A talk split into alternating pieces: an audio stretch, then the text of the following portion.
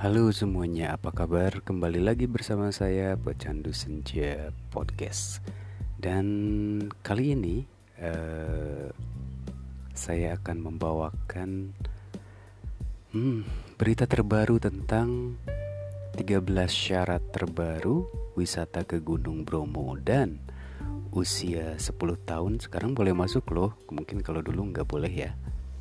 Oke, saya ulas satu persatu Eh, gimana uh, persyaratannya atau apa aja persyaratannya. Oke? Okay?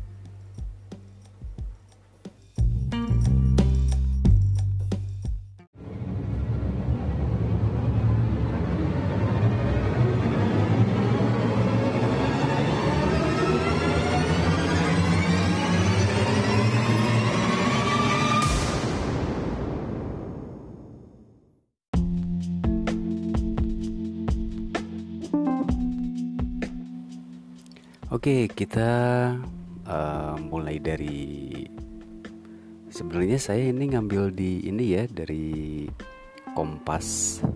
Jadi sejak tanggal 28 Agustus 2020 jam 1 waktu Indonesia bagian barat, aktivitas Gunung Bromo sudah dibuka kembali.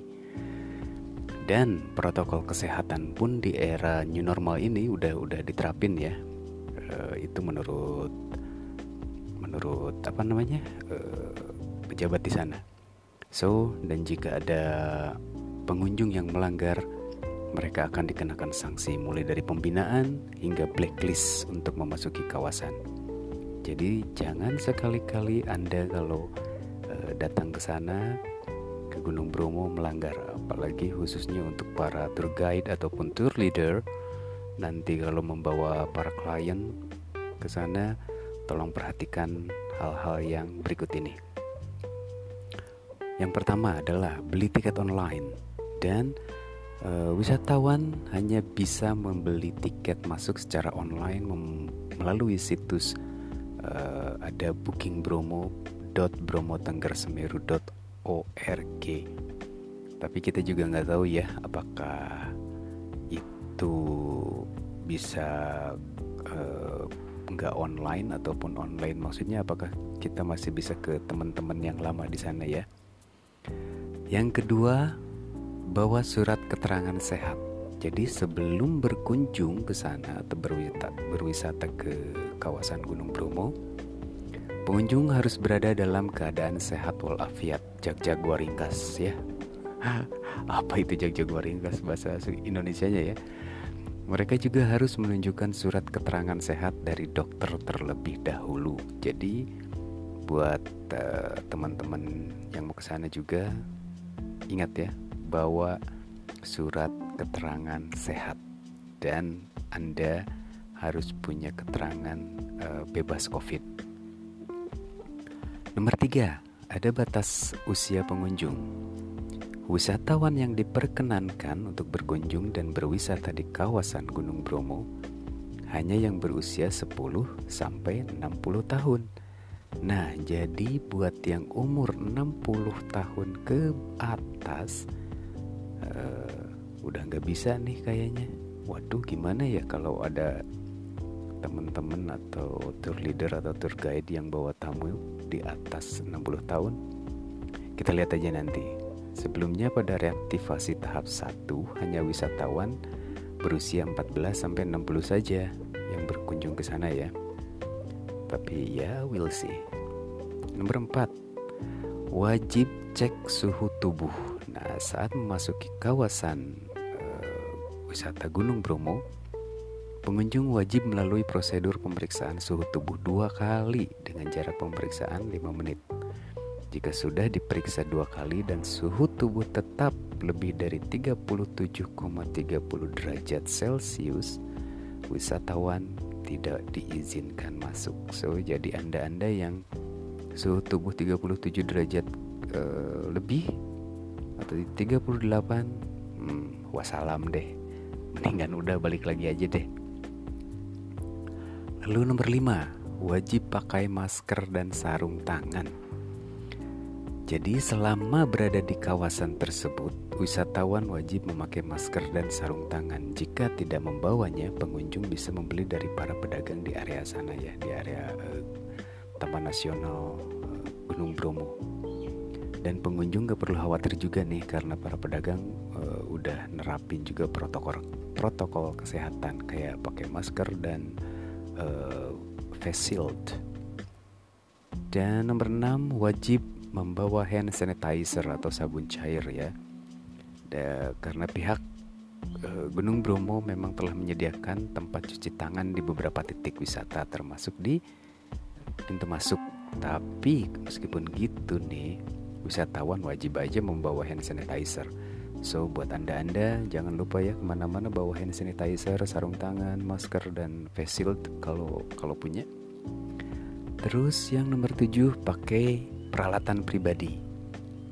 Nah, eh, pihak Gunung Bromo mewajibkan para calon pengunjung untuk menggunakan peralatan pribadi untuk berbagai keperluan, eh, seperti peralatan makan, minum, ibadah, dan lain-lain. So, kalian jangan sharing eh, peralatan makan ya, apalagi peralatan minum kalau mungkin peralatan ibadah sih masih oke okay, tapi kalau peralatan minum kayaknya jangan dulu. Nomor 8 jaga jarak. Selama berada di kawasan TNBTS atau Taman Nasional Bromo wisatawan wajib menerapkan aturan jaga jarak dengan pengunjung lain. Dan gak hanya itu loh mereka juga dilarang berkerumun dan selalu tertib.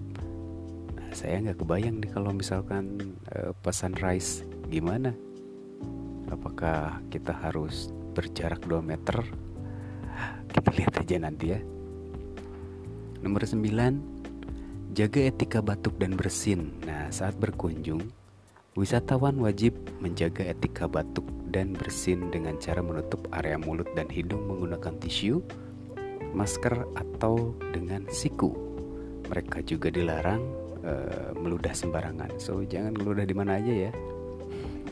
Dan kalau batuk tutup, uh, jangan asal oho-oho aja nih. Terus nomor 10 yaitu kuota kunjungan di area wisata.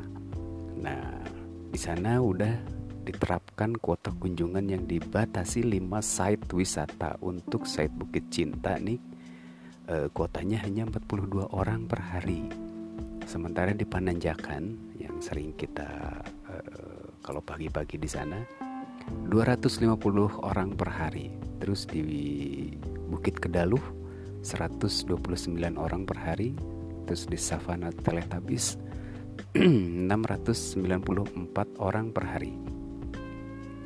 Dan terakhir di Mentigen itu 150 orang per hari. Dan untuk pembelian karcis, satu karcis hanya berlaku untuk satu site wisata, yakni ke Sunrise Viewpoint, site Laut Pasir, dan site Savana. Dan jika wisatawan memilih untuk berkunjung ke Savana, mereka hanya dapat ke site Sunrise Viewpoint setelah jam 8 pagi. Nah, jadi di Sunrise Viewpoint terdiri dari Bukit Cinta, Bukit Kedaluh, Panenjakan, dan Mentigen. Mentigen, sorry. Terus yang ke-11 adalah dilarang ke Kawah Bromo berdasarkan rekomendasi dari PVMBG PGA Cemoro Lawang nih. Wisatawan dilarang ke Kawah Bromo. Batas radius aman adalah satu km dari kawah. Waduh nggak bisa lihat uh, kawah Bromo dong kalau gitu ya. Dan 12 wajib bawa turun sampah. Hmm ini dia nih. Banyak sekali. Kadang kita lupa ya sampah sendiri ditinggalin di sana. Terus uh, guna menjaga kebersihan fasilitas publik di sana ya, wisatawan harus mematuhi aturan untuk membawa turun kembali sampah. Kayak di tempat publik seperti musola, toilet, tempat parkir dan lain-lain. Jadi harus tetap bersih ya dari sampah, jangan ada sampah berserakan di mana-mana. Nomor 13 dan yang terakhir adalah uh, batas maksimal kendaraan. Nah kita kan nggak tahu nih apakah kendaraan apa nih. Pihak ke Gunung Bromo membatasi jumlah penumpang dalam kendaraan atau jasa angkutan yakni maksimal 50% dari kapasitas. Dan bagi yang menggunakan jeep, kapasitasnya hanya diperbolehkan untuk satu pengemudi dan tiga penumpang, sementara motor hanya satu pengemudi dan satu penumpang. Nah, itu dia eh, apa namanya persyaratan yang terbaru ke Gunung Bromo. Jadi tolong diperhatikan untuk teman-teman nih khususnya buat para tour guide dan para tour leader juga para travel agent yang ada di Indonesia ataupun yang ada di luar negeri uh, perhatikan ini baik-baik ya pay attention tapi uh, kita juga nggak tahu apakah boleh boleh beli online aja atau pas kita udah sampai sana kita ke ya ke kawan-kawan kita yang ada di sana langsung we'll see about that ya well everyone kayaknya Segitu dulu informasi dari saya tentang 13 syarat terbaru wisata ke Gunung Bromo. Nanti akan saya sambung lagi dengan cerita yang lain atau episode yang lain atau informasi yang lain. Dan semoga podcast saya kali ini bermanfaat untuk Anda-Anda semua. Dan jangan lupa follow podcast saya Pecandu Senja and don't forget you also can donate for this podcast ya. Thank you and have a lovely day, everyone. Bye.